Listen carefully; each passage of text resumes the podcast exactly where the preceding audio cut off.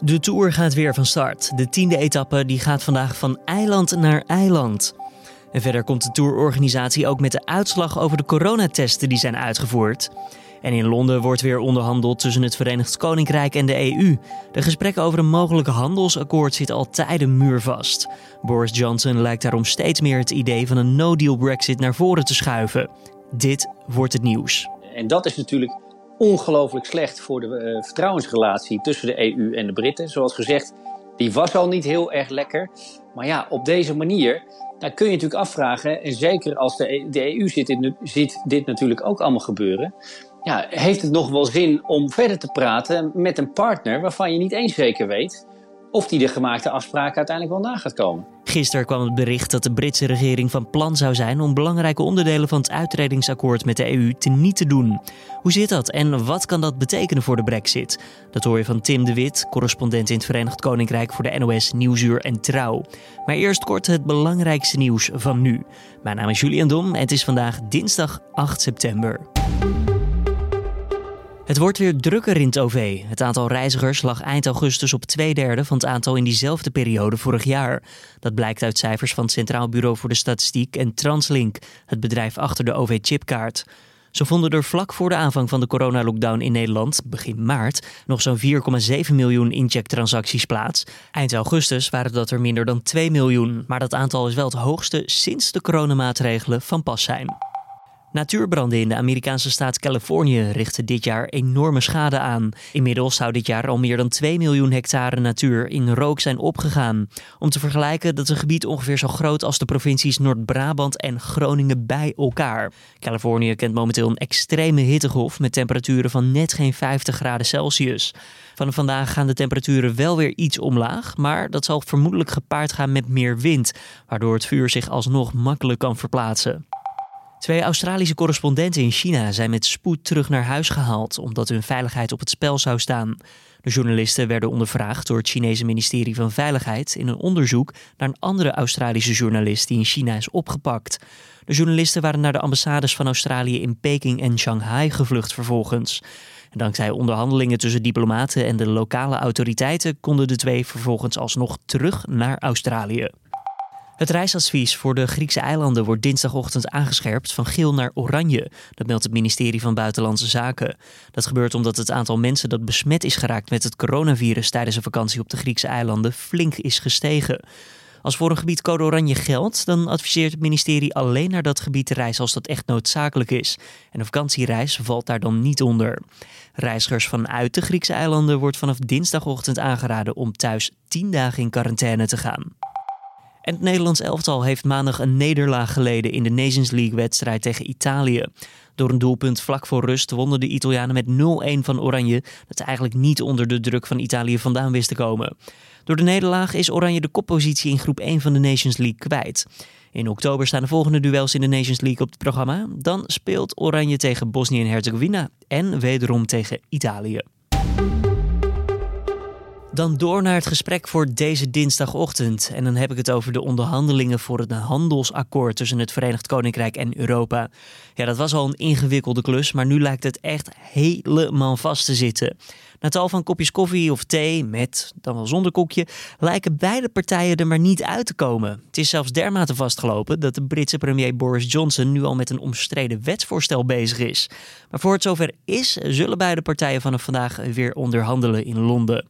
Hoe gespannen die sfeer zal zijn, dat vroeg mijn collega Carne van der Brink aan Tim de Wit, correspondent in het Verenigd Koninkrijk, voor de NOS, Nieuwsuur en Trouw. Ja, behoorlijk. Uh, het, het, ging al niet heel lekker de afgelopen weken tussen de Britten en de EU. Eh, als je luisterde naar Michel Barnier, de hoofdonderhandelaar uh, van de EU, die zei de laatste keer dat ze elkaar ontmoeten nog van nou, a deal becomes very unlikely. Oftewel, het wordt steeds ingewikkelder om een deal te sluiten. Dat was al het stadium waar we in waren. En met er, wat er deze week is gebeurd, is het vertrouwen helemaal tot een nulpunt gezonken, denk ik. Uh, dus nee, ik denk niet dat ze heel erg gezellig uh, aan tafel zitten vandaag. Ja, want jij refereert nu naar een wetsvoorstel wat Johnson op tafel wil leggen binnenkort.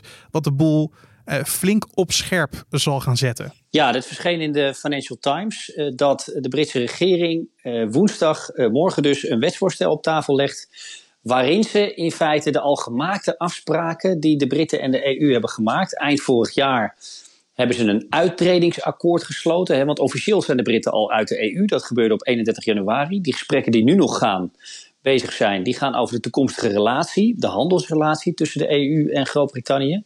Maar dat uittredingsakkoord, dat is een internationaal verdrag. Daar heeft Johnson zijn handtekening onder gezet. Daarvan heeft hij gezegd: dit gaan we uitvoeren. En nu zou hij met een wetsvoorstel in het Lagerhuis. Uh, we moeten nog afwachten hoe dat eruit komt te zien. Maar zou die van plan zijn om delen uit het uitredingsakkoord te ondermijnen? Uh, of omdat hij zoiets heeft van, nou, dat bevalt me eigenlijk helemaal niet zo goed.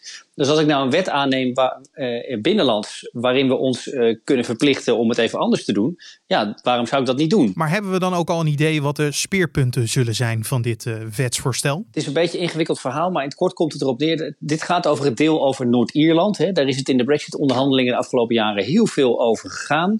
Noord-Ierland, natuurlijk gevoelige geschiedenis met die, met die eh, grens tussen Noord-Ierland en Ierland, die absoluut open moet blijven. Daar was iedereen het over eens.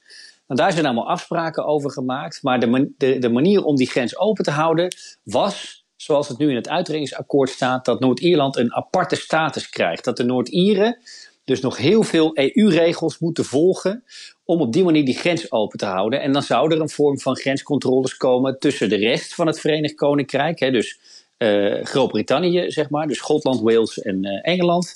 En Noord-Ierland. Dus dan krijg je een soort grenscontroles in de Ierse Zee tussen uh, Groot-Brittannië en Noord-Ierland. Dat is het idee. Ja. Maar nu begint Johnson, en daar is ook de afgelopen maanden wel wat gedoe over. Want ja, er zijn zeker in de, in de, beetje in de radicale Brexit-vleugel bij de conservatieven. Is er veel gemor over de afspraken die gemaakt zijn over Noord-Ierland? Want hebben ze daar toch niet toch veel te makkelijk allerlei bevoegdheden weggegeven en staan ze daar niet toch veel te veel nog onder druk uh, van EU-regels? Dat is een beetje de, het spanningsveld wat die speelde. Ja, en met, deze, met dit wetsvoorstel, uh, nogmaals, we moeten kijken hoe het eruit komt te zien. Maar, maar zou Johnson dus wellicht proberen om een paar van die afspraken terug te willen draaien? En dat is zoiets heftigs, want het betekent feitelijk dat je een internationaal verdrag aan het schenden bent. Of in elk geval dreigt dat je zo'n internationaal verdrag gaat schenden. En dat is natuurlijk ongelooflijk slecht voor de uh, vertrouwensrelatie tussen de EU en de Britten. Zoals gezegd, die was al niet heel erg lekker. Maar ja, op deze manier, daar kun je natuurlijk afvragen. En zeker als de, e de EU ziet dit, ziet dit natuurlijk ook allemaal gebeuren. Ja, heeft het nog wel zin om verder te praten met een partner waarvan je niet eens zeker weet of die de gemaakte afspraken uiteindelijk wel na gaat komen. En ik neem aan dat de Ieren ook niet echt blij zijn met deze ontwikkeling. Ja, natuurlijk. Ja, die, die hebben ook het, het hardst op de trom geslagen vandaag om duidelijk te maken van dit kunnen we absoluut niet accepteren. Die zeggen uh, eigenlijk precies hetzelfde als, wat, uh, als de geluiden die je wel uit Brussel hoort. Hoor. Ik moet erbij zeggen dat uh, de officiële reacties uit Brussel tot nu toe heel kalm zijn. die willen zich natuurlijk ook niet laten provoceren. Daarnaast zullen ze ook in, in Brussel wel denken van eerst maar eens even kijken hoe heet de soep uiteindelijk wordt die, die we krijgen opgediend woensdag in het parlement. Maar nee, absoluut. De Ieren die, die spelen een cruciale rol in dit alles. Zij zijn ten eerste het land wat het hardste geraakt zou worden als er een no-deal Brexit zou komen. Omdat zij natuurlijk heel erg verweven zijn met, met de Britse economie. Um, en daarnaast hebben zij het meeste last van die grens. Zij willen absoluut niet dat er op een, op een manier uh, dat zij gedwongen worden om een harde grens daar neer te zetten. Uh, omdat nou eenmaal Noord-Ierland en Ierland uh, via, ja, als de, stel dat de Britten dus die regels zouden gaan veranderen, dat er dus allerlei controles moeten komen op die grens. Want dat is nou het hele idee. Brexit is één ding, maar ze willen absoluut natuurlijk die vrede bewaren op het eiland uh, daar. En ja, die harde grens is altijd de, de vrees daarvan geweest, nieuwe grenscontroles dat dat dus spanningen weer terug kan brengen. Ja, en jij zei al, het is ongekend wat er nu gebeurt. Maar zo kunnen we ook wel de brexit natuurlijk omschrijven. Uh, als we de hele uh, tijdlijn moeten doorlopen. Het is ongekend. Uh, maar ja, hele simpele vraag. Mag dit zomaar wat er dus nu gaat gebeuren? Ehm, nou ja, kijk, daarom is het als je, als je aan mij vraagt, oh, alles, alles mag. Hè? Ik bedoel, uh, we, hebben meer gekke dingen gezien. En uh, er zijn genoeg landen geweest die in het verleden natuurlijk internationale verdragen hebben geschonden. Um, maar het is wel heel erg ongebruikelijk. Ook zelfs voor een land als Groot-Brittannië. Wat bijvoorbeeld, om, uh, nog niet zo lang geleden, van de zomer, China op de vingers tikte over het verdrag wat China met Groot-Brittannië heeft gesloten. Over de rechten van de mensen in Hongkong. En toen zwaaiden de Britten echt met hun vinger van ja, hallo, uh, we hebben 23 jaar geleden hier afspraken over gemaakt. En nu zijn jullie daar die, die afspraken met voeten aan het treden. Dat, dat kan niet. En dus is het een beetje hypocriet natuurlijk als je dan als Groot-Brittannië eerst naar China wijst van ze houden zich niet aan de afspraken en vervolgens als Groot-Brittannië zelf in ieder geval dreigt of in ieder geval laat zien van hey, we denken erover om dat internationale verdrag met de EU uh, niet meer helemaal na te komen. Dus het is wel, ja, het, het is een, een zeker in, als het gaat om internationale onderhandelingen, ook om de internationale reputatie van Groot-Brittannië, is dat natuurlijk gewoon hele linker soep. Want er zijn natuurlijk heel veel andere landen buiten de EU, neem een Japan of een, uh, of een India of uh, Australië, die willen ook allemaal een handelsdeal met Groot-Brittannië gaan sluiten straks na de Brexit. Ja, die zullen toch wel even nadenken van, oh, wat heb, met wat voor partij hebben we hier te maken? Want we houden er niet van om te onderhandelen met een land wat we niet kunnen vertrouwen. Dus ook daarin is dit gewoon zeer risicovol. Ja, want dat is misschien wel de vraag. Waarom komt Johnson hier nu mee met deze konijn uit uh, de hoge hoed? Uh, hij voelt vooral, denk ik, de druk van mensen uit zijn eigen achterban. Hè, de Brexit-achterban noem ik het maar even. Die uh, willen, laten, willen voelen dat Johnson bereid is om op te staan tegen de EU. Uh, en die vinden dit natuurlijk geweldig, hè, want dit zet de boel alleen maar meer op scherp. Dit vergroot alleen maar de kans dat dit straks allemaal uitloopt op een no-deal Brexit aan het einde van het jaar. Uh, dat is iets wat die, die radicale Brexiteers altijd al hebben gewild. Die willen het liefst helemaal weg van de EU. Nou, daar, die kans wordt dankzij dit alleen maar groter. Dus die mensen heeft Johnson wel tevreden gesteld. Maar kijk je overal, kijk, je hebt een hele gematigde vleugel in de conservatieve partij. Die vindt dit vreselijk. Nou, die horen we tot nu toe nog niet zo luid. De oppositie vindt dit ook vreselijk. Heel veel mensen uh, Britten in het land zullen dit vreselijk vinden. Dat ze zien dat hun eigen regering bereid is om, uh, of in ieder geval de bereidheid toont, want we moeten toch altijd even afwachten, maar de bereidheid toont om eventueel een internationaal verdrag niet te respecteren. Dat gaat heel erg ver. Dus in die zin uh, is het wel gewoon een strategie waarvan ik ook denk, kijk, tuurlijk, uh, voor je eigen achterban is dit leuk. Hiermee zet hij natuurlijk die onderhandelingen ook echt weer op scherp. Als hij er een tactiek mee heeft, hè, om op deze manier te, te hopen dat de EU hier toch een beetje van schrikt en bereidheid toont om wat meer richting de positie van de Britten te bewegen. Ja, dat zou kunnen, dat dat erachter zit. Maar tot nu toe heeft weinig aangetoond dat dat, dat soort tactiek nou echt werkt bij uh, de EU. Om op die manier wat voor elkaar te krijgen. Je zou ook kunnen denken dat uh, Johnson de stiekem echt toch wel het liefste op een no-deal afstevend. En door dit te doen, ja, uh, dwingt hij bijna de EU om dan de EU te laten zeggen van we stoppen met onderhandelen, want met zo'n partij willen we niet verder praten. Dan kan hij de EU vervolgens de schuld geven van zie je wel, hè, we hebben er alles aan gedaan, maar de EU is weggelopen.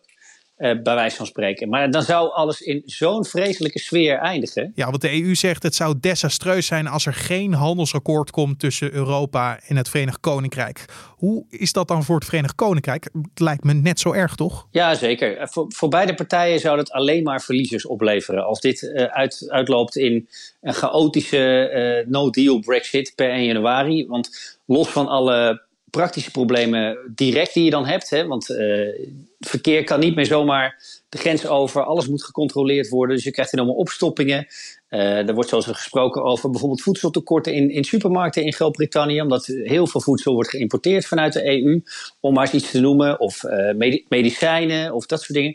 Um, dat is nog tot daar naartoe. Maar de, economie gaat daardoor natuurlijk enorme extra klappen krijgen. Terwijl het met die coronacrisis al zwaar genoeg is, zou je zeggen. Dan heb je ook nog een politiek aspect, want uh, Schotland, hè, dat weten we, die hebben massaal tegen de Brexit gestemd, de Schotten.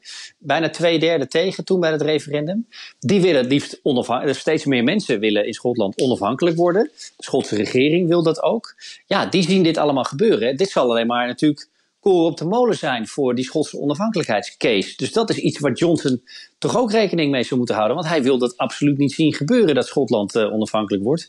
Kortom, het voor die no-deal gaan is echt heel erg risicovol. Um, zorgt voor ontzettend veel problemen. En ja, ergens het enige argument daarvoor is dat je dan wel zeker weet dat je echt helemaal los bent van alle EU-regels. Dat je echt weer kan doen wat je zelf wil. En dat is natuurlijk een soort van de Brexit-droom. Maar tegelijkertijd moet je er zoveel voor, uh, voor inleveren en ga je er zoveel mee verliezen. Ja, dat het natuurlijk veel verstandiger is en logischer ook, zeker gezien de coronacrisis, om eind dit jaar gewoon een deal te sluiten. Ja, en de tijd zal ook steeds meer mee gaan spelen, want ja, de deadlines die staan voor de deur. Ja, zeker. Ja, kijk, 1 eh, januari is dus de datum die ik net noemde, maar uh, ja, je moet zo'n akkoord ook nog ratificeren. Hè. Bedrijven moeten de tijd krijgen om te weten waar ze zich op moeten voorbereiden. Dus je kan dat niet uh, tot eind van het jaar laten duren. En daarom heeft de EU ook al gezegd, we moeten er eind oktober uit zijn. Nou, Johnson zei zelf al, 15 oktober wat mij betreft. Dan is er een EU-top. Dus het moet de komende weken echt gaan gebeuren. En ja, eh, het wordt weer eens ouderwets spannend. Eh, Brexit is eh, weer helemaal terug op de agenda. Tim de Wit, correspondent in het Verenigd Koninkrijk en maker van de Europa Draait Door podcast. Dankjewel voor je tijd.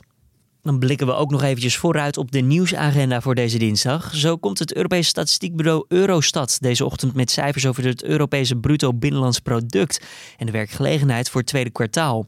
In deze periode waren veel Europese landen volledig of deels in lockdown. Dus de vraag is vooral hoe slecht de cijfers zullen uitpakken. En voor het eerst in de historie van de Tour de France begint en eindigt een etappe op twee verschillende eilanden. Eén dag na de rustdag leggen de renders dinsdag in de tiende etappe een vlakke rit over 170 kilometer af. Die gaat van Ile d'Oléron naar Ile de Ré. En meer over de Tour, want deze dinsdag komen ook de uitslagen van de grote coronatestronde die de Tourorganisatie heeft gedaan naar buiten. Alle deelnemers en teamleden zijn getest en renners die positief worden getest op het coronavirus worden uit de Tour gehaald. Mochten er nou twee renners van een ploeg besmet zijn, dan wordt de hele ploeg uit de Tour gehaald.